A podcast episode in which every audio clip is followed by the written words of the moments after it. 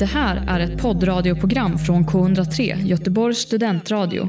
Du hittar oss på k103.se. Av upphovsrättsliga skäl är musiken förkortad.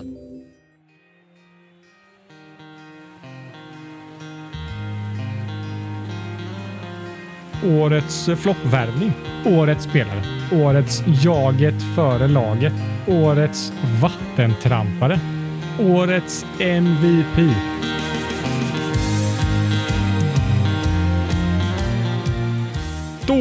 Då ska ni vara välkomna till avsnitt 27 av eh, fotbollspodcasten Fotboll kommer hem. Med mig eh, Daniel i rodret idag. Eh, Harry är inte här. Men vi som är här är Karl Bolinder sitter framför mig och Mr 100% Adam som vanligt i Alingsås. Jesper är alltså heller inte här. Han är bakfull.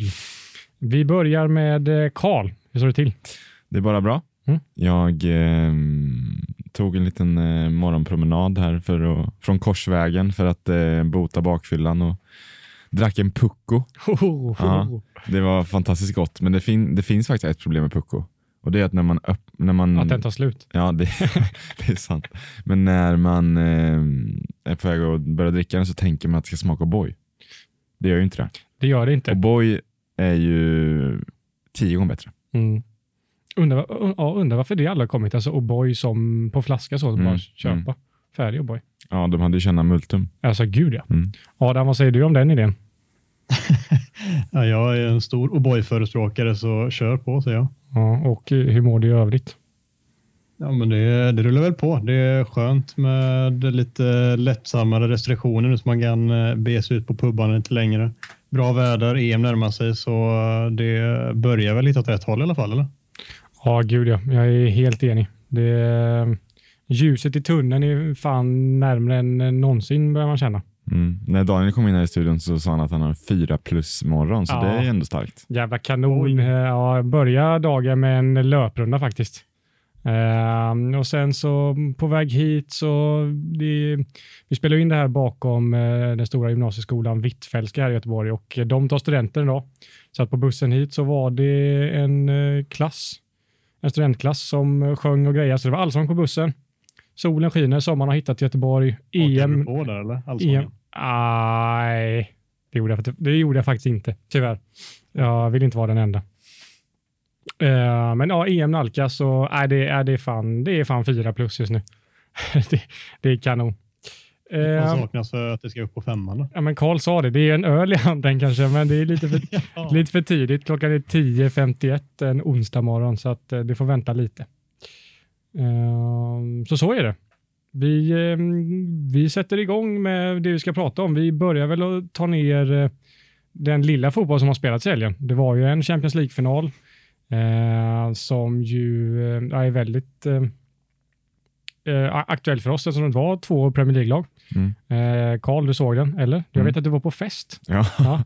hade väl eh, ena ögat på, på matchen och, och ena ögat på festen. Ja. Eh, men eh, som jag skrev, vi kommer göra en liten eh, årets, eh, årets eh, summering sen. Och så, mm. Då har jag skrivit att årets fiasko är Pep Guardiolas final och det är faktiskt jag tycker det är sjukt hur han, hur han, hur han inte bara kan ro hem det här nu. Alltså, han har inte vunnit CL med Bayern München, med Manchester City. Hur kan han inte bara, nu möter de Chelsea. Du ska bara, du ska bara göra det liksom. Du behöver inte göra, du behöver inte liksom, som Bojan sa i studion, uppfinna hjulet. Du kan bara ställa upp ett lag som gör att du tar hem titeln och då så har du ett av de bästa lagen i världshistorien. Liksom. Mm. Och är en av de främsta trädarna, det är han ju ändå, men ja. då kommer han till historieböckerna på en ny nivå. Liksom. Det är verkligen så. Det är ju, alltså varje år har man ju nästan sagt att så här, ja, men det, här är, det här är världens bästa lag, Pep Guardiola rattar, både i Bayern München och eh, under många år här i City. Men de har ju fortfarande inte vunnit Champions League och eh, ja, mot Chelsea, det är alltså all heder åt Chelsea, så. Men eh, Chelsea har ju alltså full kontroll på den här finalen. Det är ju aldrig nära att City gör mål knappt. Um, så heder åt Tuchel såklart, men absolut, Pep har ju jag vet inte vad grejen är. Det känns som att det bara låser sig i huvudet på spelarna, att de vet att det, är ja. det, här, det här är det enda som gäller på säsongen. Mm.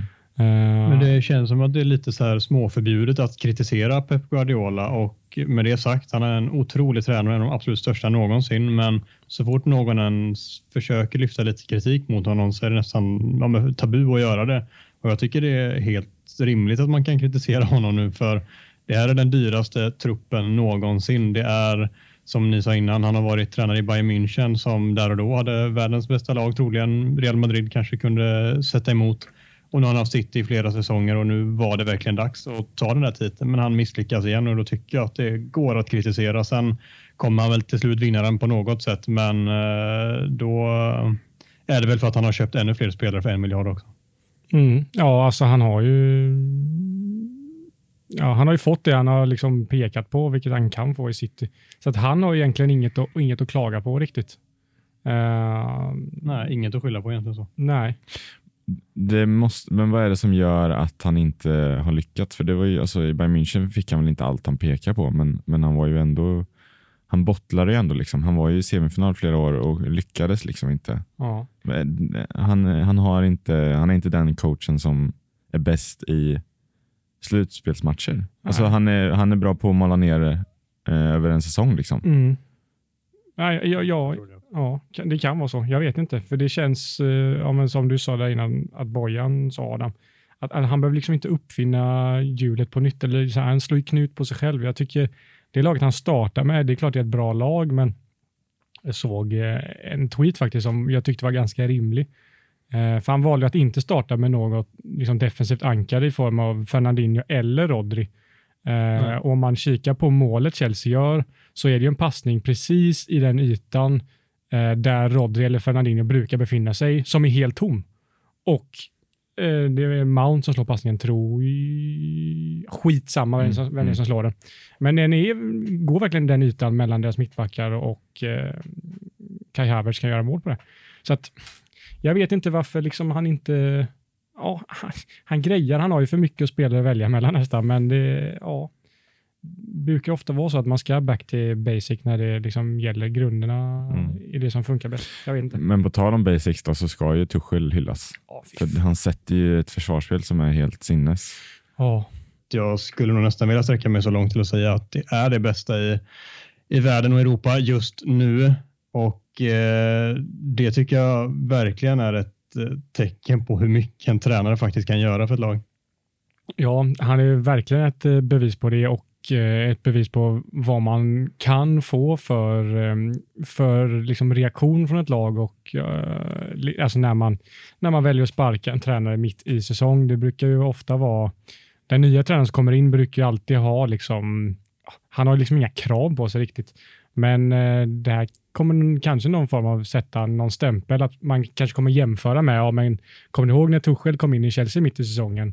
Nu ska du här som också är ny i en säsong Alltså här, du kan ändra grejer liksom. Uh, och det, jag tycker när den, det, det resultat han har fått på Chelsea typ saknar nästan motstycke. Ja, men det är rätt sjukt att uh, Chelsea båda gångerna har vunnit Champions League så är det efter att de har sparkat en tränare mitt under säsongen. Ja, precis det jag tänkte säga Adam.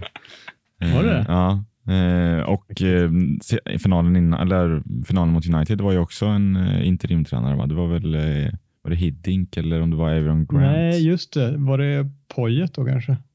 Gusp. Ja, jag ska fan inte svära på det. Jag minns inte ens. Nej, men, var men eh, det var i alla fall en interimtränare då. Ja, så precis. Helt rätt. Så det är deras framgångsrecept. De borde sparka en tränare per säsong. Och vinner de Champions League varje säsong. Ja, men eh, han har ju, Tuchel har ju också mm, typ världens bästa innermittfältare i sitt lag. Ja, han, eh, N'Golo Kanté har han verkligen fått igång och det var ju en spelare under Lampard som inte, Lampard fick inte alls ut eh, vad man kan få ut av Kanté. Men där hittade väl Tuchel någonting direkt och satte han på en position och eh, sa åt honom vad han skulle göra och eh, då gör han det bara bäst i världen. Mm. Var det inte redan under Sarri som han förs började försvinna lite, eller försvinna, men eh, inte jo. fick ut jo. det som han kan få ut? Jo, men, men, det är ju helt sinnes vilken eh, vilken resa, eller vi kan väl prata N'Golo Kantés resa i hundra år om vi vill, men alltså han spelar i League 2, liksom, eh, Ligda, mm. eh, för fem eller sju år sedan Ja. Uh. Det, det, känns inte helt orimligt att det kommer en uh, When He Was King-avsnitt om uh, N'Golo Kanté. Det, det, känns, det är också en spelare som ingen, det går inte att hata honom, eller det går inte att ogilla honom. Han är ju fan helt fantastisk och man är bara avundsjuk på att han är i någon annans lag. Mm, verkligen. Mm. Man måste bara flika in det att jag kollade upp vem det var. Det var Avram Grant som hade tagit över Chelsea 08. Just det. Mr Grant. Ja, nej, men eh, kul för Chelsea är det ju såklart. Eh, och eh, ja, det jag ser väl de som kanske favoriter att vinna Premier League nästa år. De har ju, Tuchel kommer ju få allt han pekar på, för pengar har de. Mm. Och eh, han har ju inte fått sätta sin prägel alls i form av spelare i sitt lag, lagbygge nästan. Så vi får se vad som händer i sommar. De mm. kan komma mm, Abramovic kommer få mer smak nu och pumpa in uh, de pengarna som behövs för typ en anfallare och vad de nu vill, mer vill ha i laget. Så ja, de uh, känns som verkligen genuina titelkandidater. Gud ja.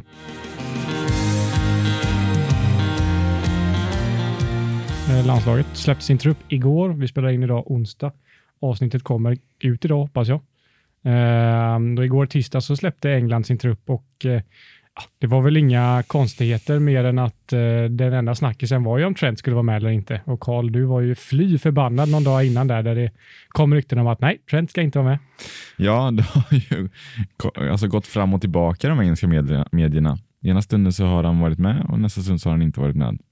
Känns det inte som att de har suttit och gissat bara? Jo, det kan mycket väl vara så. Då det är så 50-50 och det, då, då kan de se bra ut om de har rätt. Ja, men sen tror jag också att Southgate inte har varit på det klara med vad han, alltså han kan också, också ha gått, det kan ha gått fram och tillbaka verkligen i hans hjärna och beslut. Mm. Det känns och, som att han kan mm. ha tagit bort Trent på pappret typ dagen innan och sen bara på morgonen, ja just det, jag sätter tillbaka den ändå. Ja, han landar ju något form av beslut som inte är ett beslut. Han tar inget beslut, han tar med fyra högerbackar. det är så svagt. Det känns alltså. lite så här populistiskt, typ som att han ville ha de andra, mitt, eller de andra högerbackarna egentligen, men sen så märkte han vad det fick för eko ute i engelska bland de engelska fotbollstyckarna eller egentligen i världen och så kände han bara nej, jag kan inte ta ett sånt beslut. Jag får ta med Trent också så får mm. vi köra fler högerbackar än mittbackar i truppen. Ja, och så har det pratats om Trent i någon mittfältsroll och nej, det där tror jag inte på. Nej. Det är ju mm, det är också konstigt, för, eller konstigt, men jag menar, han kan ju lämna ut Trent eftersom han ändå inte kommer starta med Trent. Det finns ingen idé att ha Trent på bänken.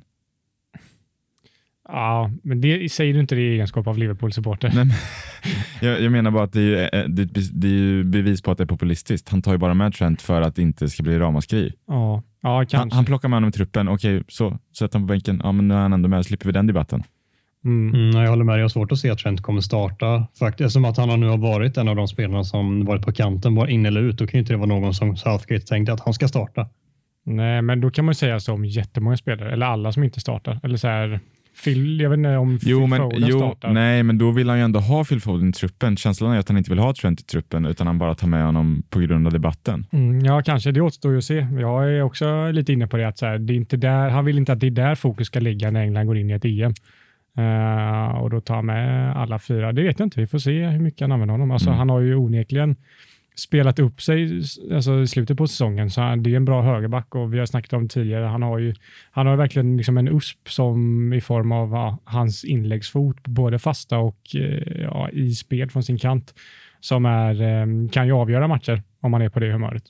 Eh, vi får ja, se. Alltså, om han ska spela den treback som han har gjort emellanåt. Det är svårt att veta om det kommer bli fyrbacks eller trebacks, men i en form av wingback-roll då ska ju Trent vara gjuten från start med tanke på vad hans egen, bästa egenskaper ligger i offensiven och det stödet som kommer finnas eh, runt omkring och bakom honom. Så för, alltså I våra ögon, tror jag talar för alla, så ska ju Trent starta. Sen om det är feedback så kanske det går att dividera lite beroende på vad man har för spelare i övrigt och laborera med på mittfältet och sådär. Men en treback så då måste ju Trent starta. Även om jag inte tror att han kommer göra det så borde han göra det.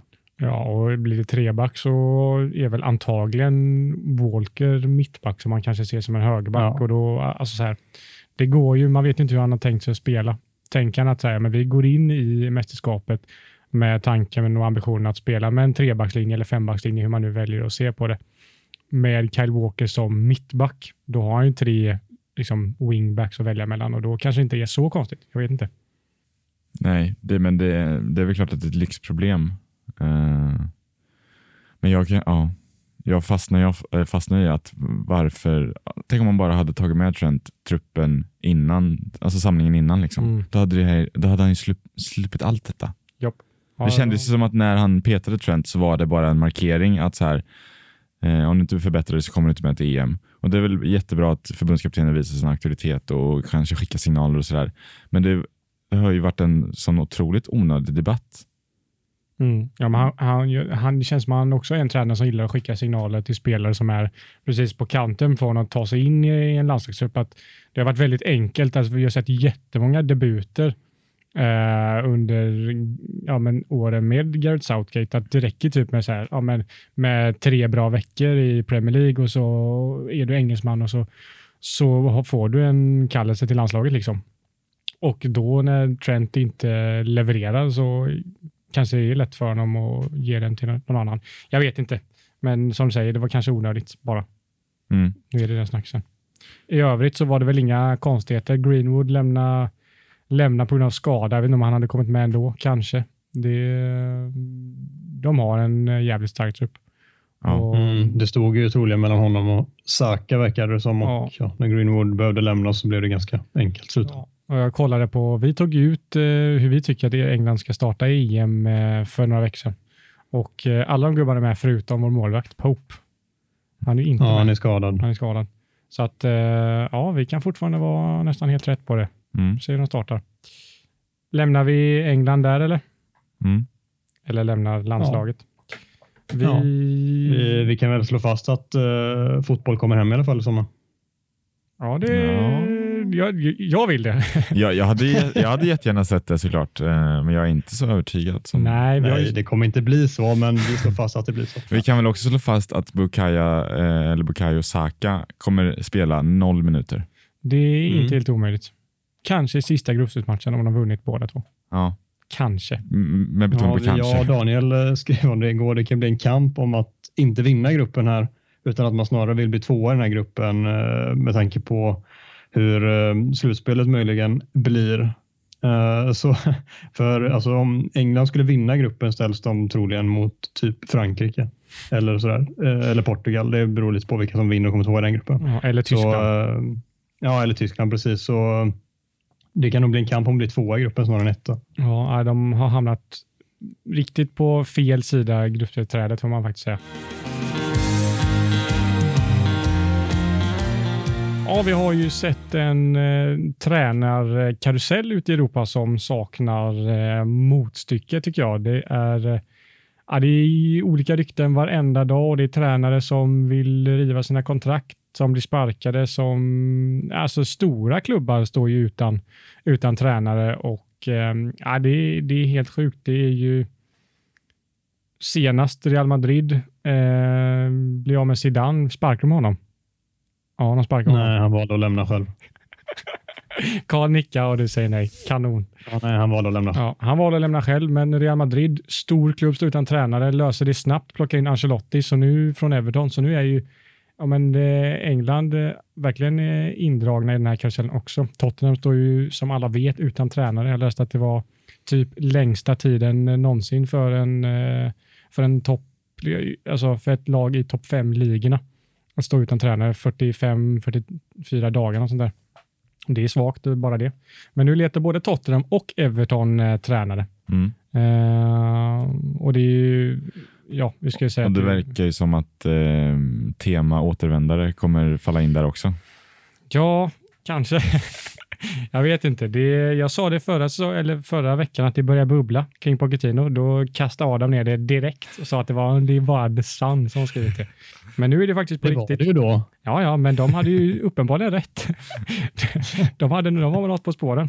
Uh, ja, även en blind höna och allt det där. Ja, vi ska inte credda The Sun. Nej, ska vi inte Men uh, vi får se. Pochettino är uppenbarligen inte helt nöjd i PSG och uh, nu när när möjligheten att komma tillbaka till eh, sitt Tottenham som han älskar så mycket så verkar han vilja komma hem. Jag vet inte, vi får se. Jag förstår att du kanske vill det, men är man eh, inte trött på återvändare? Alltså jag suckar när jag såg Allegri till Juventus, suckar när jag såg Ancelotti till Real Madrid och kommer ju sucka när jag ser Pochettino till Tottenham Hotspurs. Ja. Nej, men det, det är någon form av... Eh, jag vet inte vad jag tycker om det. Alltså, det är, man, går, man tar ju inte steg framåt. Jag vet inte om man tittar framåt när man tar en återvändare. Det känns som att ja, men det var bra när vi hade honom, då kommer det bli bra igen. Och det funkar typ sällan. Eller ja, samtidigt så ska ni så här, på något sätt återuppbygga laget och truppen igen och vem är bättre än, på det än Mauricio Pochettino? Nej, det är jag helt enig om. Alltså, så här, det var, han var ju den personen som, vad ska man säga, han förutsåg ju det här. Han sa ju att Tottenham behöver, innan han lämnade, Tottenham behöver en ombyggnation som kommer vara smärtsam. Uh, men det är dags att liksom börja på det, för det är det klubben mår bäst av uh, på lång sikt. Ombyggnationen har inte kommit, utan han fick kicken och Mourinho uh, kom in och fick bygga sitt lag med ex, typ samma spelare. och det har ju verkligen inte funkat och det har ju varit med betoning på smärtsamt. Så att jag är helt enig att är det någon som kan Tottenham bäst och vet vad som behövs så är det Pochettino.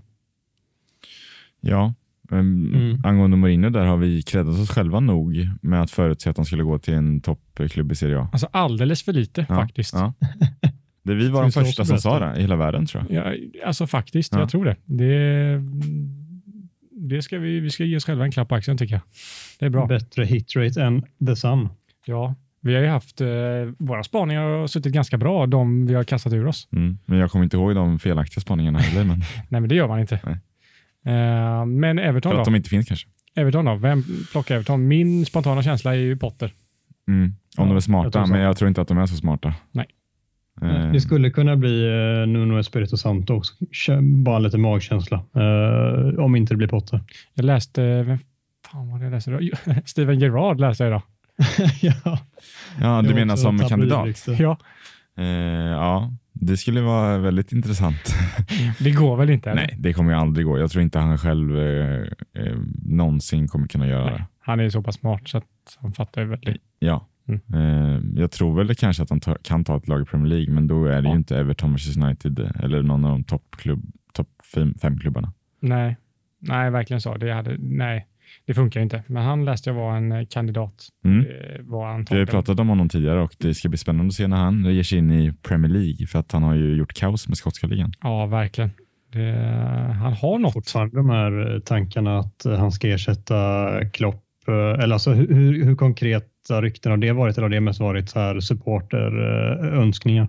Ja, det har väl varit önskningar och att han själv har väl sagt att så här, någon gång så vill jag göra det och han och mm. Klopp har ju haft en väldigt fin relation. Eh, Gerard var ju U19-tränare ett tag och då så hade de en bra relation och sen Ja, men även när i början av, Klopp, eh, av Klopps tid i Liverpool så var ju Gerard spelare i LA Galaxy. Då så var, kom ju han över på uppehållen och tränade med laget och sådär. Så de, eh, och de han säger att han hade älskat att spela under Klopp och att han, eh, det finns inget bättre än att prata fotboll med Klopp. Typ. Eh, så det, det kittlar ju att eh, han är arvtagare, eller arvtagare, men att han tar över.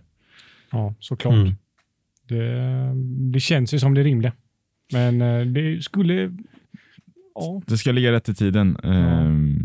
Jag menar, han är ju inte han är inte bevisad i Premier League. Alltså han har inte bevisat sig på Premier League-nivå än och jag tycker att det kan vara lite risky att säga att han bara gör en säsong till i Rangers. Eh, så känns det väldigt eh, riskfullt att plocka honom sen. Verkligen. Sen är det också ja, vad som händer med Klopp. Det rimmar ju lite så här Lampard, Solskär, Arteta grejer och vi har ju sett att det inte har gått eh, fullt väl ut. Nej, jag tänker spontant hade det varit jävligt bra för honom att gå som ass något år, men nu är han lite för typ stor och dyr och bra för att vara assisterande. Men den vägen har ju ganska många gått alltså Zidane till exempel. Han gick väl bredvid Ancelotti och det har ju gått ganska så bra. Mm. Och på tal om Zidane så tycker jag om Pochettino går till Tottenham eh, eller bara lämnar eh, så ska vi kasta ut oss att Zidane går till PSG då. Så vi, vi bara får det. 100%. Den, den nya spaningen. Sticka ut näsan. Ja, jag, vet inte, jag vet inte hur mycket det är att sticka ut näsan, men jag tycker vi bara vi men, säger det. Men det kommer ju ske. Ja, vi måste ju lösa Brightons eh, tränarkris om, om Potter lämnar också. Eddie Howe. Ja, han kanske är nej. back in business. Ja, han ska ha ett jobb snart. När du säger nej i Alingsås.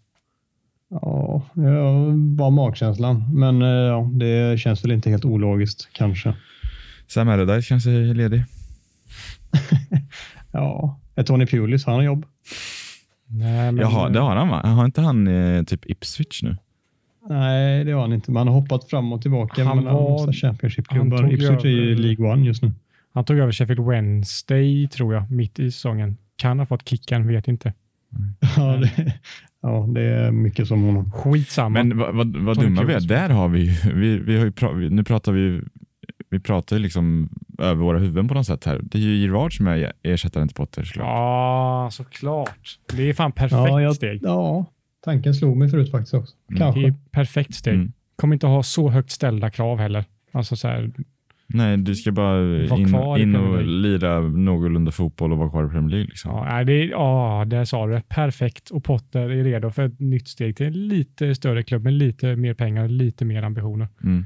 Ja, där har vi det. Det blir väl typ Everton. Men eh, jag kom på en grej när vi ändå pratar Championship som vi har missat. Det är att Brentford har tagits upp. Ja, fina. Mm. Var det någon som såg den matchen? Det vi nämna när vi pratade.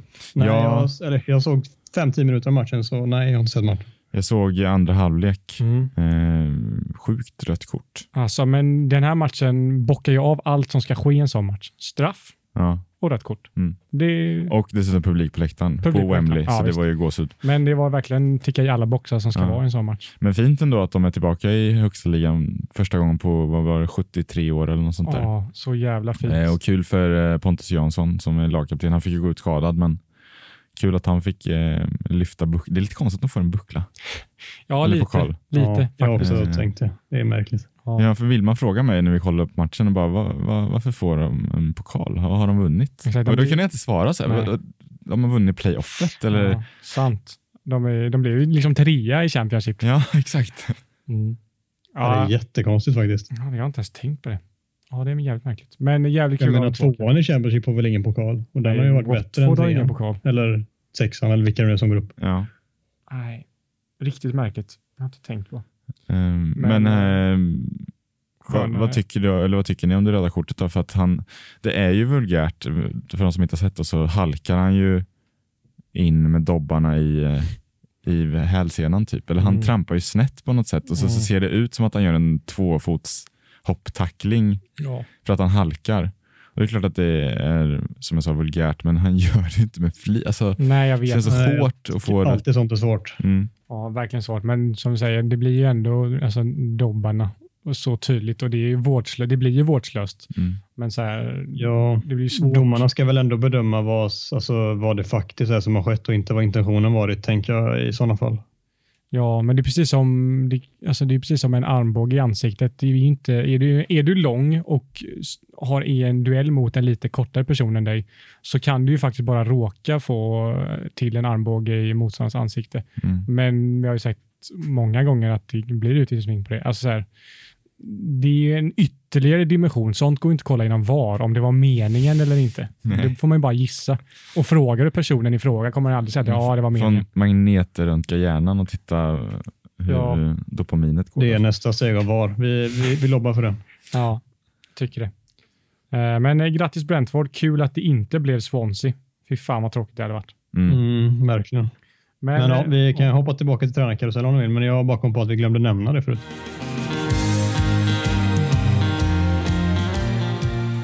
Ja, nej, men eh, helt rätt. Det glömde vi faktiskt. Det bör ju nämnas. Så då har vi Norwich, Watford och Brentford nästa säsong. Kul. Hyfsat. Två Ford-lag. Ja. Eh, två London-lag.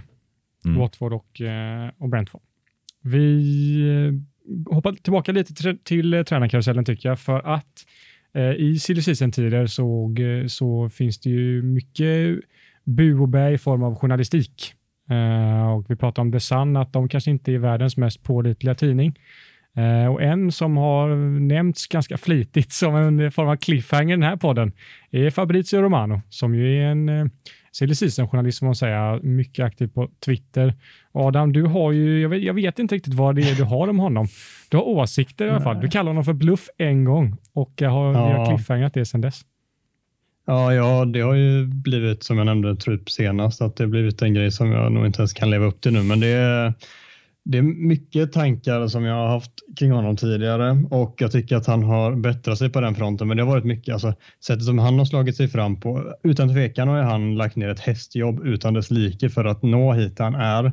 Vi ska inte slå ner på det utan det respekterar alla som eh, kämpar liksom för det de drömmer om och vill jobba med liksom och sådär. Så inget eh, ont om det. Men jag har tidigare alltid tyckt att han eh, väldigt mycket rider på andras rykten och att han tar vid på andra skriver och att det är lite genomskinligt många gånger. Sen nu senaste typ halvåret har han börjat credda lite mer. När, det, när han skriver grejer så taggar han de som kanske har skrivit det först. Tidigare gjorde han inte det någonting utan det kunde vara att liksom så här, till exempel någon tysk källa som jag har koll på eller följer eller något konto som jag följer har delat som jag vet har bra trovärdighet skriver något och så dröjer det en timme och sen skriver Fabrizio typ exakt samma sak utan att credda eller något sånt, liksom nämna att ja, som de här skrivit så kommer detta sig, utan han låtsas då att det är helt hans egna grejer och folk, eh, alltså vet ju, alla vet ju vem Fabrizio är så alla tar ju det för en, för en sanning och som att det är han som har breakat det och jag kan tycka att det är lite fult mot andra. Sen man har blivit mycket bättre på det och eh, han har ju garanterat jättemycket kontakter. Men han har ju tagit sig fram mycket på den sättet och blivit den stora transferprofeten som han nu är med typ tre miljoner följare på Twitter till exempel. Uh, och jag tror inte han hade tagit sig dit utan uh, lite småfusk på, uh, på vägen fram. Och det är väl, ja, det är svårt att säga för mycket om det vad han har gjort och inte, för vi vet ju inte vad han har, liksom vad han har för kontakter på riktigt och så där. Han har ju garanterat, eh, i och med att han har blivit så stor och fått jättemycket kontakter, det är garanterat jättemånga med eh, liksom inside information inom fotbollen som hör av sig till honom med med info så får han väl sålla mellan dem vilka han tror på och inte vad han vill lita på med olika agenter som vill plantera olika rykten och sådär. Så eh, det är väl någonstans där jag landat. Jag vet inte om det blev klart någonstans för någon var det jag är ute efter, men eh, jag hoppas att ni förstår något i alla fall. Ja, du menar att han har, han har fuskat sig till den roll han har idag och nu när han har hamnat där och blivit så, så stor som han är så har han haft mycket lättare att få till faktiska egna källor. Typ så. Ja, lite så, men kanske inte fuskat sig, men också ja, i alla fall på många andra. Ja. Ja, jag fattar. Och eh, där hör ni gänget. Där är bluffen, Fabrizio ja, Romano. Ja, men eh, jag kan hålla med. Eh, samtidigt så är det väldigt skönt när han skriver att Konate är klar för Liverpool till exempel. Då vet jag att då är det sanning. Ja. Mm. Men det, han, det är han är ganska tröttsam på Twitter. Han, han tar ju citat, typ som någon sa i någon Sky-sändning. Liksom och gör det till en grej. Liksom. Den får 3000 retweets. Mm. Men bara någon, han plockar bara ut ja, en mening från en intervju liksom. och så, så låter det som att han har pratat med människan. typ. Um, så det är, det är ju... Grej, ja, och um, han gör, det, på något sätt så blir det ibland som att han gör alltså nyheter, då, nu är hans tweets nyheter. Han gör nyheter av ingenting ibland. Um, sen är det väl uh, så sitter han väl oftast inne på informationen och han, lägger, han brukar också flika in någon silly, något silly mm, rykte om den spelaren. Då. Alltså så här, eh, Cristiano Ronaldo sa till Sky bla bla bla, min framtid i Juventus är så här och så här och sen bara skriver han eh, fortfarande inga konkreta bud typ. Mm. Och då så får det 5000 retweets. Ja, han skriver väldigt många gånger så här väldigt, eh, vad ska man säga, saker som vem som helst hade kunnat lista ut. Typ fortfarande inget konkret. Oh no shit. Mm. Ja, men exakt. exakt. Liksom. fortfarande inte klart. fortfarande inte officiellt. Tack för uppdateringen, Fabbe. Ja, gött. Ja, men eh, det hör ni. Men, eh, så han har, han har bättrat sig alltså, så nu ska man kunna lita på honom lite mer. Eller lita på honom. Han, har, han har skrivit grejer som har hänt, men det är inte riktigt hans egna. Och ja, men precis. Det, det, är väl mest det och det är så här, för vissa spelar det kanske ingen roll var det kommer ifrån, men för mig som brinner för journalistiken och alla vi som är journaliststudenter, vi tycker att det är väldigt viktigt med att liksom credda källan som faktiskt har brutit uh, ut en nyhet till exempel och det har han varit ganska dålig på tidigare och byggt sig ett namn på att det är han som har alla breaking-grejer och nu när han väl är på toppen då är det väldigt mycket lättare där att bara credda de som faktiskt skriver det helt plötsligt. Mm. Kul, då har vi fått in det för en gångs skull. Mm. I... Bluffen. Bluffen Fabrizio Eller cliffhangern. Ja, exakt.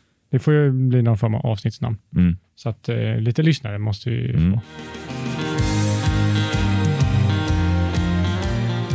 Då är det dags eh, för eh, det som eh, brukar ske när en säsong är slut. Vi ska dela ut lite priser här på Fotboll kommer hem. Vi kunde se igår att nomineringarna liksom från officiella alltså Premier League för årets spelare, årets mål, årets unga spelare, årets tränare och sådär har kommit ut. Vem som har vunnit är inte klart än, men vi har väl knoppat upp lite egna priser som vi ska dela ut. Ehm, och ja, det kommer bli väldigt intressant. Ehm, ska vi bara börja med första priset? Eller? Mm, vi kör. Mm. Då är första priset eh, årets MVP, Most Valuable Player.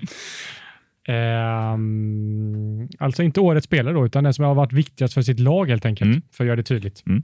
Vill Karl eh, börja med sin ja. MVP och en liten motivering kanske? Ja, jag har tagit en ganska självklar i Ruben Diaz. Eh, det som han har gjort med Citys försvarsspel sedan han kom in har varit otroligt och det har varit en liten van Dijk-effekt. Eh, och han, eh, han väl, faller väl då in kanske under årets värvning också, men han, eh, jag tycker han har varit eh, otroligt viktig för City och Premier Leagues bästa spelare i år till och med. Alltså både, både viktigast och bästa. Mm. Ja, han har varit otrolig och eh, City har fått in någonting som de har länge sökt men inte hittat, men nu har de hittat honom. Mm.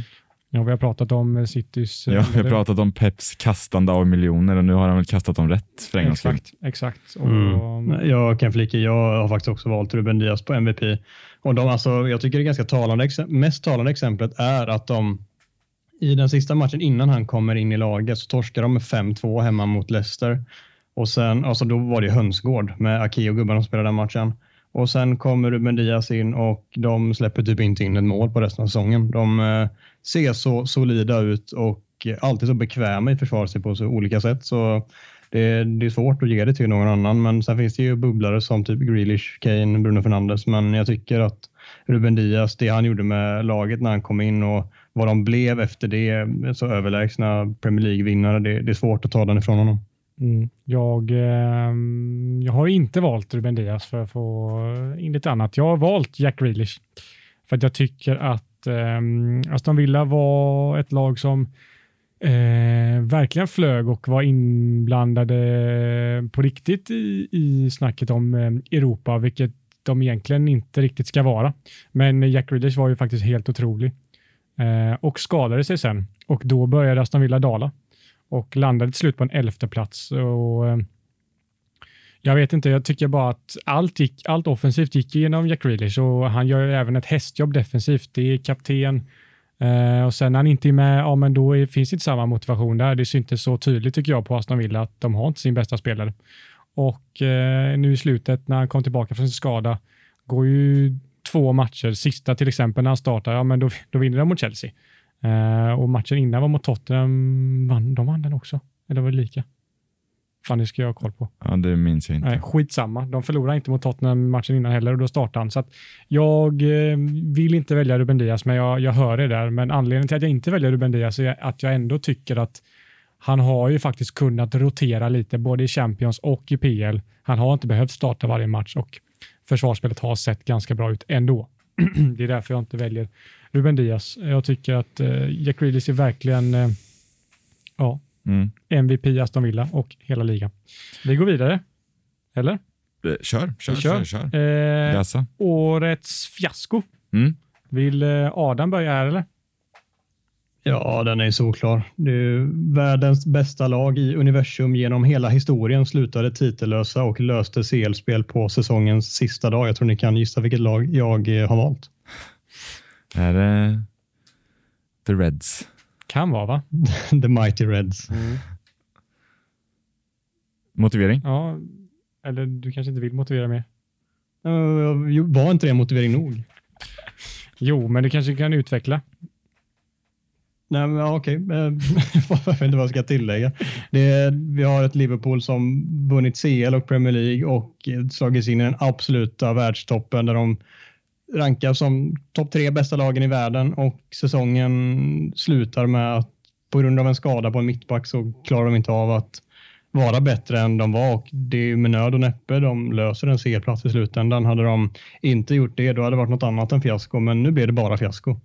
Mm. Jag är eh, med på vad du säger, men jag tycker ändå att de de landar en tredjeplats kan jag inte riktigt se som ett fiasko i slutändan, men jag är helt med dig. Det har varit en eh, säsong med mycket rubriker och skriverier kring Liverpool. Ja, framförallt så har det ju, men det eh, känns som jag har suttit här hundra gånger den här våren och sagt att det är absurt. Det har det verkligen varit. Eh, så jag är med dig helt på att det är ett fiasko. Mm. Carl? Um, jag är Peps final då, så det har vi ju bockat av. Ja. Vill du prata mer om det? Nej. Nej, det, det, nej. Nej, vi släpper det. Vi tar mitt fiaskolag blir det faktiskt Southampton. För att eh, de slutar på en riktigt, nu har jag inte placeringen framför mig, det är dåligt, men de slutar på en riktig bottenplacering. Det är in, inte riktigt bra för att vara Southampton och jag tycker de har en ganska bra trupp. Eh, och var ju också ett lag som gick otroligt starkt i början. Uh, och sen hände någonting. Vi har pratat om att Danny skadat sig. Ja, men jag tycker ändå att Shea Adams har levererat ganska bra ändå. Och de bara, de bara faller ihop. Uh, jag tycker ändå det är något form av, av fiasko uh, med tanke på hur det gick under säsongen. De mm. slutade på 15 plats i slutändan och som du säger, de var ju verkligen bra inledningsvis och gick starkt och Ralf Hasenhüttel var väldigt hyllad och sen så är det någonting som sker där. Det, det känns inte som att det bara handlar om någon skada utan Nej. någonting går ju snett i maskineriet där och som vi nämnde förra veckan så liksom 0-9 mot United blir ju symbolen och det är en andra säsong i rad som de lyckas torska med 0-9. Det, det är inte jättebra så absolut, det blir väl på något sätt ett fiasko i slutändan även om Southampton aldrig kanske ska ses som ett lag som per automatik slutar på övre halvan. Så mm. med tanke på var de kom ifrån så blev det ett fiasko i slutändan. Ja, det är kanske jag som har lite för höga tankar om Southampton också, men eh, det blir mitt fiaskolag. Vi går över till årets intervju. Då kan jag börja där och jag hade otroligt svårt att välja. Eh, jag har inte riktigt valt än, men eh, jag tog fram två stycken. Det finns en intervju med Marcelo Bielsa och hans tolk. så, eller det finns två till och med med de två. En där han, Marcelo Bielsa säger till tolken att han ska prata högre. Det är lite roligt. Och sen så finns det också en intervju där han sitter på, på Zoom eller vad det är i någon presskonferens. Och ingen av dem hör frågan. Uh, och Jag har aldrig hört Marcel Bielsa snacka engelska innan. Han sitter bara och skrattar först. och sen så pekar han bara på sitt öra och säger I don't listen och tolken skrattar asmycket. Det är roligt.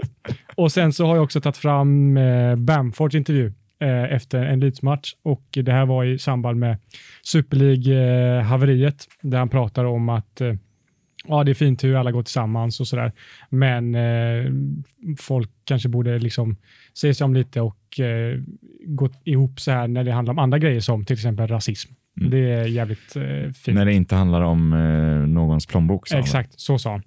Uh, och det är smart för en fotbollsspelare i Premier League att säga så. Tycker jag. Han är ju extremt smart på pappret också. Han, är väl, han hade väl, han var så här un, underbarn var i skolan tror jag. Ja. Uh, men ja, den var väldigt fin. Ska du bestämma dig för någon av de här tre? Ja, men jag, jag, jag landar i, uh, jag landar i Bamford. Mm. Bestämmer mig för det. Mm.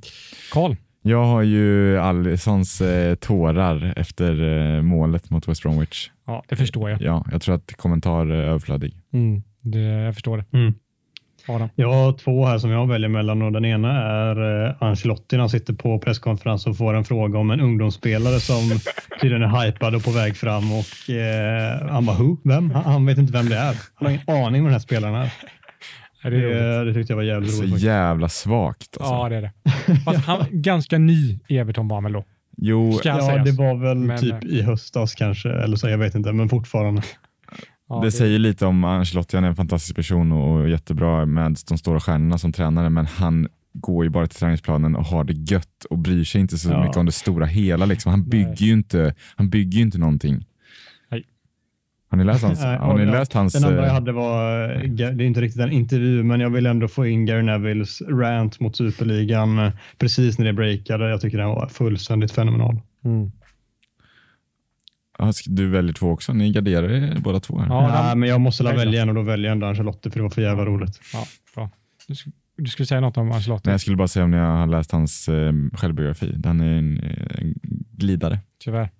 Eh, nope. Vi kanske gör det. Mm. Eh, vi går vidare. Årets vattentrampare. Karl? Mm. Eh, pratat många gånger om det i podden här, att eh, Artetas Arsenal bara trampar vatten och trappar vatten. Och de vinner en match, förlorar en match, vinner en match, förlorar en match. Ja. Eh, det händer liksom ingenting och jag ser inte när och hur det ska hända heller. Nej, man brukar säga två steg fram och ett steg bak. Det här är snarare ett steg fram och ett steg bak. Ja, exakt. det rör sig ingenstans bara. Uh, ja, jag, jag håller med, men jag tror fortfarande att de bör sitta kvar på Arteta och låta han, eh, de behöver lite lugn och ro i den klubben mm. och låta han göra sin grej. Uh, ja, jag är inte lika övertygad, men vi får, mm, han nej. kommer ju få tid, så ja, vi får väl se. Jag tror att det är bäst för dem, men vi får se. Adam? Ja, jag tror att någon behöver tid, men jag tror inte att det är Arteta. Skitsamma, jag, Arsenal är det själva valet egentligen, men för att välja någonting annat så går det väl att säga något liknande om Everton som på något sätt ändå slutar precis utanför Europaplatserna. De ändå, när de har rustat med typ James Rodriguez och Allan och Ancelotti vid rodret så mynnar det inte ut i mer än att de missar Europaspel. De är precis, vad blir det, 10 tror jag, ja, mitten mm. av tabellen. Det känns väl som att det också är väldigt mycket trampa vatten för en klubb som ständigt säger sig vilja utmana de andra om Champions League-platserna men inte alltså egentligen någonsin lyckas hela vägen. Det är ju Premier Leagues Häcken. Snackar alltid upp dem innan och tror att ah, men det här är Evertons år. Nu kommer de verkligen vara med i kampen om Europa och till och med Champions League med allt de hade rustat. Men till slut blir det bara en Everton-placering, tionde mm. plats och eh, därför har jag också satt Everton som, som årets vattentrampare. Och det kanske inte blir bättre nästa säsong för James lär ju lämna nu när Ancelotti inte är vid rodret. Eh, Calvert Lewin kommer ju gå till Tottenham när Harry Kane säljs. Eh, så att eh, de tappar sina stjärnor. Ja, vi får väl se det. ja. ja, det får, vi får väl se. De, eh, ja, de får ju bygga nytt, ja, bygga nytt, men de får ju bygga om lite med tanke på att Ancelotti lämnar som vi har pratat om. Eh, nästa, årets frisyr. Mm. Det är Carly får börja igen. Jag har plockat fram eh, Arsenals Travis Scott, eh, deras lagkapten Pierre-Emerick Aubameyang, eh, mm. eh, när han gjorde sina flätor där. Han fick någon eh, livskris i mitten av säsongen. Eh, A.k.a. Eh, Mr Hårfäste. Ja, jo. ja, det finns en riktigt sjuk bild där ja, ljuset är väl inte jättesnällt mot honom. Nej, verkligen inte. jag tror vi till och med la upp den på ja, Instagram. Ja. Um, och eh, nej, det, det, den, den, var, den frisyren var symbolisk för hans säsong kan man säga. Så man säga. Adam? Jag valde att gå från lite frisyr, men jag tycker jag kan kuppa in den lite utanför boxen, men Alissons mustasch. frisyr? Ja. ja. Det är ändå ansiktsbehåring. Ja, verkligen. Jag tycker det går att ändå få in den på en kantboll. Ja, det ska han ha. Ja, sjukt snygg faktiskt. Ja. I en rush. Ja. Men ja, ja, verkligen. Jag har också Auba, men jag får bara bolla upp eh, Deli Alli också. Han, eh, Just det, den är bra också. Ja. Vad, Eller bra, vad hände? Bra, bra val. Ja, vad hände där? Han sneglar väl eh, han sneglar väl ner mot Arsenal och eh, vad Aubameyang gjorde med sin frilla och tyckte att det var så jävla snyggt. Så han försökte efterlikna ja, den. Någon kris på honom där. Ja, nej, den är inte bra. Men jag landar i Auba. Eh, det får bli det. Jag mm. blev otroligt chockad när jag såg den frisyren. Eh, så det får bli det. Årets eh, försvarsspel, Adam? Ja, jag har plockat ut eh, Luke Shaws mot Tottenham nu torska med 1-6 charmigt på Old Trafford. Uh, och jag minns inte vilket av målen det är i slutändan, men jag tror att det är det som Son gör i ganska dålig vinkel. Men oavsett så Luke Shaw står perfekt i position i, som vänster, liksom vänsterback i, i boxen när eh, Tottenham anfaller.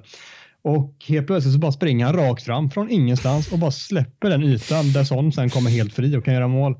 Och eh, ja, maken till dåligt försvarsspel vet jag inte om jag har sett och det är rätt märkligt med tanke på vilken säsong den spelaren sen har haft. Men det var i början av säsongen innan hela laget inte funkar överhuvudtaget och eh, han var sitt gamla jag. Sen eh, fick han väl någon eh, sportdryck som slog väl ut och han blev ligans bästa vänsterback.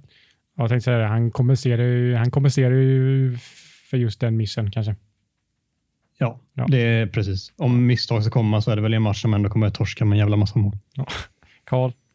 Jag hörde Emil Kraft, eh, kanske hans insats mot Arsenal främst, när Aubameyang gör ett i alla fall, om jag inte minns fel.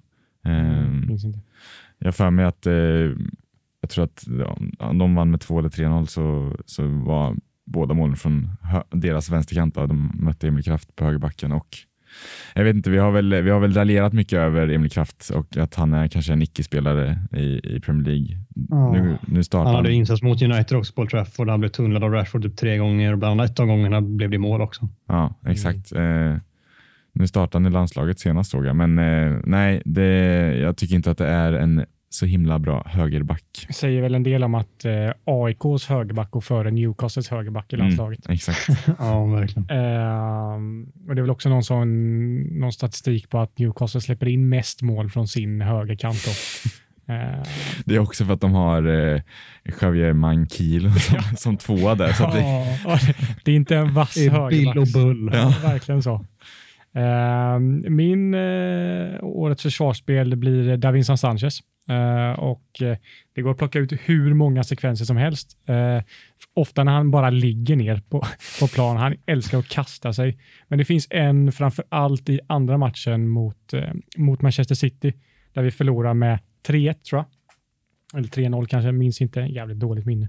Ehm, men då, är, då kommer det bara en, en lång boll försöker hitta in bakom vår backlinje. Det är, minns inte vem det är som gör målet i slutändan, men eh, Davison Sanchez, han, han står på hälarna, vilket gör att när han ska vända sig om och springa i kapp den här långbollen så, så får han aldrig kontroll på sig själv och liksom har, hittar inte balansen, vilket i slutändan gör att han landar, faller platt framåt och landar på huvudet. Det, det ser väldigt roligt ut. Han har väl varit en av de mest hånade spelarna i år. Mm, tyvärr. Och hånad för sitt försvarsspel kanske han ska bli för att det har inte varit vast, men han har fått eh, lite rasismhån också och det ska han inte ha. Nej. Eh, det fördömer FKH. Ja, eh, Ja, jag trodde att du skulle välja Serge Aurier faktiskt. Du som alltid klagar på hans eh, frispark andra på sig. Ja, men eh, en av anledningarna till att livet är 4 plus nu, det är att han har gått ut och sagt att han vill inte vara kvar. så, så jag vill inte kasta mer skit på honom. Det kanske inte bara är en av anledningarna, utan det är anledningen ja, kanske. till att livet är fyra plus. Så, är det inte... ett tecken på hur dåligt Tottenham mår just nu när det är inte ni som säger att ni inte vill ha honom, utan det är han som inte vill ha er? Jag vet inte, jag bryr mig inte, bara han lämnar så jag är nöjd. Eh, vi går vidare. Årets jaget före laget.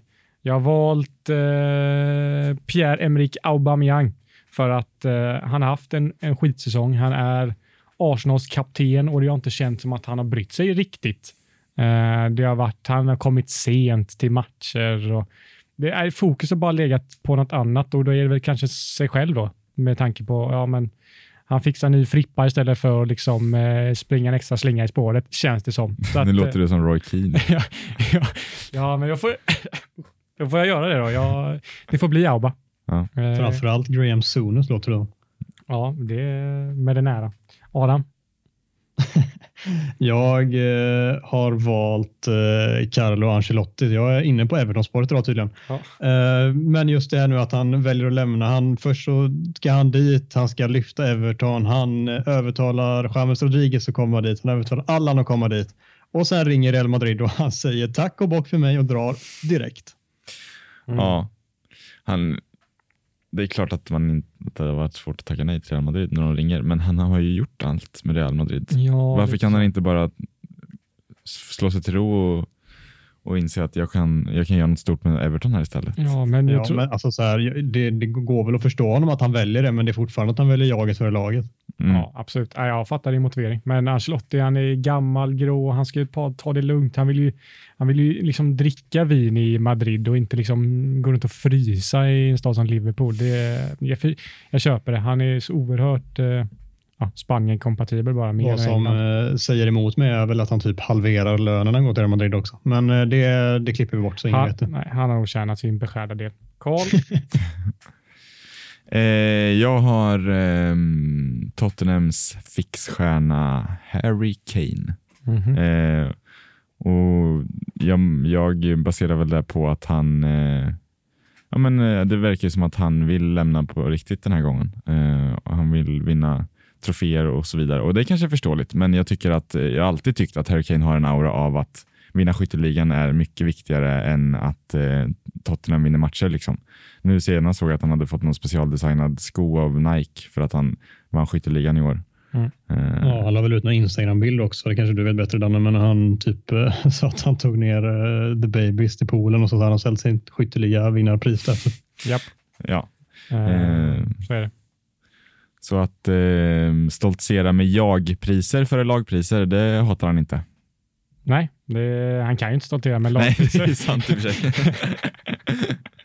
nej, nej, men visst, jag, jag, jag, får, jag får köpa det. Lite deppigt bara. ja, lite grann. Eh, årets uttal, Karl, du får köra igen. Ja, jag har ju plockat fram Bruno Fernandes. Eh, ja. det, kanske kom, det uttalet kanske kom redan förra året, men eh, det har blivit väldigt aktuellt i år ja. i och med att eh, han har varit eh, så bra också. Mm. Eh, men vi har haft den här uttalsdebatten ganska många gånger, men jag, jag, är ju inte i hörnan att vi ska uttala Fernandes. Stå i Fernandes. Nej, kan vi säga i, Fernandes? Står i samma hörna som dig där, Det ska vara Fernandes. Adam? Jag hade väl på känn att någon skulle ta just det uttalet, så då valde jag istället Ruben Neves som är i samma vågskål. det är portugiserna. Ja, och eh, det är ju Tennisberg. På, ja. Det är han som börjar där. Han, ja. det är liksom, vi borde ringa upp Tennisberg och kolla hur han... Det är så märkligt också med tanke på att de har en till portugis mittfältet. Där säger han Moutinho, inte Moutinho eller hur det nu ska vara, utan där är det Moutinho. Ja, Nej, det är, ja, exakt. Det går, man, ska man hålla på med Fernandes och Neves, då borde man gå hela köra allt liksom. Man måste löpa linan ut. Man Exakt. kan inte hålla på och dalta med några här och där. Det blir märkligt tycker jag. En lång boll på Anthony Martial. ja. Eh, jag har inte valt någon kommentators eh, uttal här. Jag har valt eh, det har kanske inte så mycket med uttal att göra, men jag tyckte det är roligt. Pep Guardiola inför press, presskonferensen, presskonferensen inför ligacupfinalen mot Tottenham så får han fråga om Tottenhams nya interimtränare Ryan Mason. Och eh, han pratar om honom som Brian Mason. och om det är att han är okunnig eller om det är någon form av eh, makt, eh, maktspelare, det vet jag inte. Men eh, tyckte det var kul. Hade varit kul om det var ett maktspel, men jag tror tyvärr inte det. Nej, han har nog bara ingen koll på Brian Mason. Så Brian Mason fick det bli för mig. Uh, nästa är... Just det. Vi tar väl, kan ta årets klyscha kanske. Mm. Tycker jag. Adam, där har du skrivit ner något. Ja, jag gissar att ni har tänkt något i liknande banor, men jag måste välja ut släkten är värst. Vi har pratat om det så många gånger under säsongen, så det går ju inte att undvika den. Nej, den står på min, eh, min lista här också. Det, den måste med. Den, eh, den stämmer så jävla ofta. Och folk älskar att skarva in den, framför allt Holmgren. Mm. Den är fantastisk. Mm. Karl, kommer du på något på? Ja, jag hade också tänkt säga släkten är värst, mm. men eh, jag kan ju säga mm, eh, Glens favorit eh, när eh, en anfallare spelar försvarsspel i, i straffområdet. Då vet man att eh, då ska man utmana. Ja, verkligen. Och även att han, eh, han checkar laguppställningar. efter fem minuter. Efter att vi nämnde det i podden så har tror jag tre kompisar som har sagt eh, till mig att de inte kan sluta tänka på det. Samma här. Samma här. eh, vi går vidare. Vi har två utmärkelser till tror jag. Vi har årets floppvärvning. Eh, ska jag börja där kanske? Mm. Då har jag valt eh, Partey i Arsenal. För att eh, man, eh, det är en riktig klassvärvning av Arsenal. Grym i Atletico Madrid, typ aldrig skadad. Kommer till Arsenal, i princip skadad hela tiden. Ganska bra i de få matcher han spelar, men med tanke på vad man hade för förhoppningar på honom ehm, så nej, det får jag anse som en riktig flopp och eh, också att det är kul att och, och ta ut floppar just i Arsenal också för egen del. Så det föll på honom. Sen så, han, är han skadefri så kan han säkert slakta Premier League nästa säsong. Absolut. Han har den potentialen, men den här åren har han varit eh, flopp. Mm. Adam? Alltså, vi ska väl brasklappa för att bara för att en spelare har varit en floppvärvning den här säsongen så kan ju det vara en spelare som gör det jättebra för sitt lag framöver. Men just den här säsongen som nyförvärv har den inte levt upp till förväntningarna. Det är kanske bra att säga också, för det tycker jag många oftast eh, missar när man pratar floppvärvningar. Utan man slår fast att den här är en flopp och det kommer den alltid vara. Mm. Men eh, det kan ju faktiskt vara så att just den säsongen var det och sen så vänder det och det går jättebra. Eh, med det sagt så har jag faktiskt stått och daltat mellan två spelare, men jag landar nog faktiskt i Donny van der Beek i slutändan också. Det går kanske att argumentera emot med tanke på att man kan säga att vad var förväntningarna då? Det, de flesta trodde att han skulle vara någon form av backup till Bruno Fernandes, men alla förväntade sig att han skulle spela rätt många mer matcher än vad han gjort. Han har ju typ fått hoppa in sista fem minuterna och spelat de här matcherna i slutet nu när vi inte haft någonting annat att spela för än typ att, eh, jag vet inte, vara lite något matchfit till Europa League-finalen. Så eh, med tanke på ändå att det är en spelare som kostar 40 miljoner pund och en spelare som har varit jättehyllad i Ajax och eh, varit med när de tog sig till semifinal och, och allt det där. Så, och vad vi fått ut av honom den här säsongen så är det ju inte bra. Nej, det var faktiskt en spelare jag inte, inte tänkte på, men där har du ju helt rätt. Det får verkligen ses som en flopp.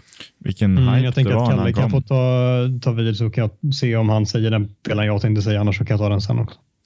Eh, jag tänkte på Kai Havertz, men samtidigt så betalar han tillbaka med, alltså han kompenserar ju kan man ju säga eh, i lördags.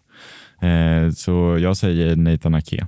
Mm. Jag tycker att de, man plockar mittback från 40 miljoner pund vad han kostar från Bournemouth och så har han typ inte ens spelat. Liksom. Och det beror ju på Dias tillkomst eller ankomst, men också Stones, att han har fått en, någon slags återupplivning. Mm. Eh, men Ake har inte varit bra någonstans. Nej, men så Ake är alltså så sjukt högt uh, aktad. Mm. Och sen mm. bara ingenting den säsongen. Ja, alltså jag tyckte han var lite överskattad i Bournemouth också och ja.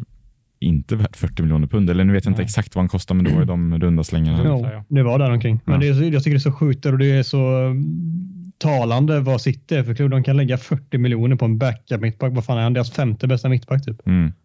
Mm. Adam, vilken var din andra? Det var inte Akir gissar jag. Ja, jag. Jag trodde faktiskt att Kalle skulle ändå nämna honom. Jag, han har ju spelat upp sig i slutet, men Thiago har ju inte levt upp till de förväntningarna som folk hade på honom inför säsongen. Nej, absolut inte. Men eh, jag tycker inte att det är en flopp så som han spelar upp sig på slutet och till det laget han kom också. Alltså, han, när man ser ljusglimtar av honom så, så ser man ju vad han verkligen kan tillföra när han är i rätt miljö.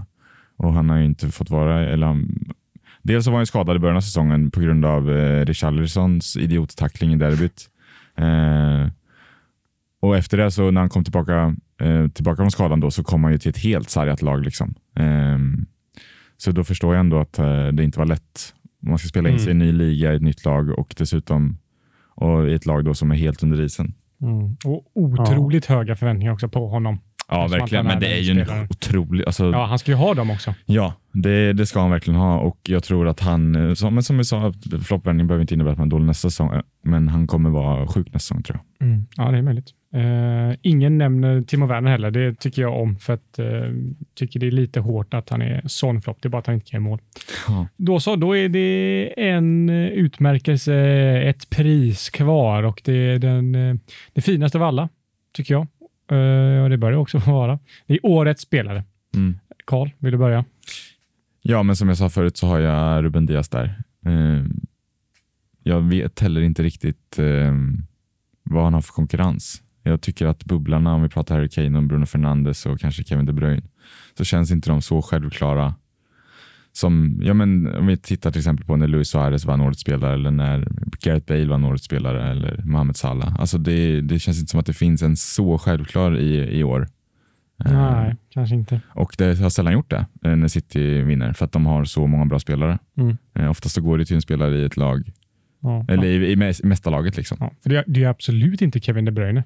Nej, det är det ju inte. Uh, som ändå är deras stora stjärna. Ja, så, ja. nej, Ruben Diaz, visst. Adam? Jag eh, tycker, alltså jag håller Ruben Diaz där uppe. Jag håller honom som tvåa, men jag har faktiskt eh, Harry Kane som etta. Jag tycker alltså han, han vinner skytteligan och assistligan i laget som slutar sjua eh, som haft José Mourinho som tränare hela säsongen. Jag tycker att det kanske räcker med motivering där. Ja, och det man kan kanske gissa vem jag har. Det är ju Harry Kane. Jag, jag, tycker, ehm, jag tycker att han gör en typ Luis Suarez-säsong som du var inne på. Eh, jag tycker faktiskt han gör det. Alltså det han vinner skytteligan, visst, det är alltså bara eh, inom situationstecken 23 mål han gör. Men han vinner det och eh, vinner också assistligan som Adam säger. Han gör, eh, det är ju, man har ju, han har varit bra länge och nu gör han sin absolut bästa säsong rent poängmässigt. Eh, och eh, jag tycker verkligen han ska ha det. 23 mål och 14 assist. Det är ruskiga siffror faktiskt. Det, det är det verkligen i ett eh, Tottenham också som har varit ett haveri den här säsongen. Eh, halva säsongen i alla fall. Då var vi färdiga med våra utmärkelser. Ska vi skicka årets spelare till honom så han kan lägga ut på Insta? Men det tycker jag. Ja. Tagga honom med det. Mm. det kan han ta med till poolen? Exakt. ja, det är inte semester längre. Nu är han landat på Englands basecamp. De har väl poolar också? Det kanske de har. De är det till isbadet. Eh, men vi eh, rundar av här. Vi har spelat in en eh, dryg timme. Jag tänker, vet vi om det här blir sista avsnittet? Vi vet inte det. Nej, det är väl lite oklart, men... Eh... Det hade varit sorgligt tycker jag. Ja, speciellt när vi inte alla är här. Mm, precis. Eh, superproducent Harry Magder som har, gör så otroligt mycket för den här podden får inte vara med sista avsnittet. Det är ju, det är ju tra tragik. Exakt. Det hade ju varit fint att få till ett sista avsnitt med alla mm. studion, mm. kan jag tycka. Uh, så att jag ska jobba för att det här inte blir sista avsnittet i alla fall. uh, så vi får se. Uh, Men då kanske vi kan säga på återseende till lyssnarna i alla fall. Ja, ja, det tycker jag. Det ska ni ha. På återseende säger vi. Det här var det 27 avsnittet av Fotboll kommer hem. Följ oss på sociala medier där vi gör Karl Borinder ett dunderjobb. Eh, fotboll kommer hem på Instagram och FKH-podd på Twitter. Säger tack Karl, tack Adam och så tackar jag mig själv också. Och så tackar vi er lyssnare för att ni har lyssnat.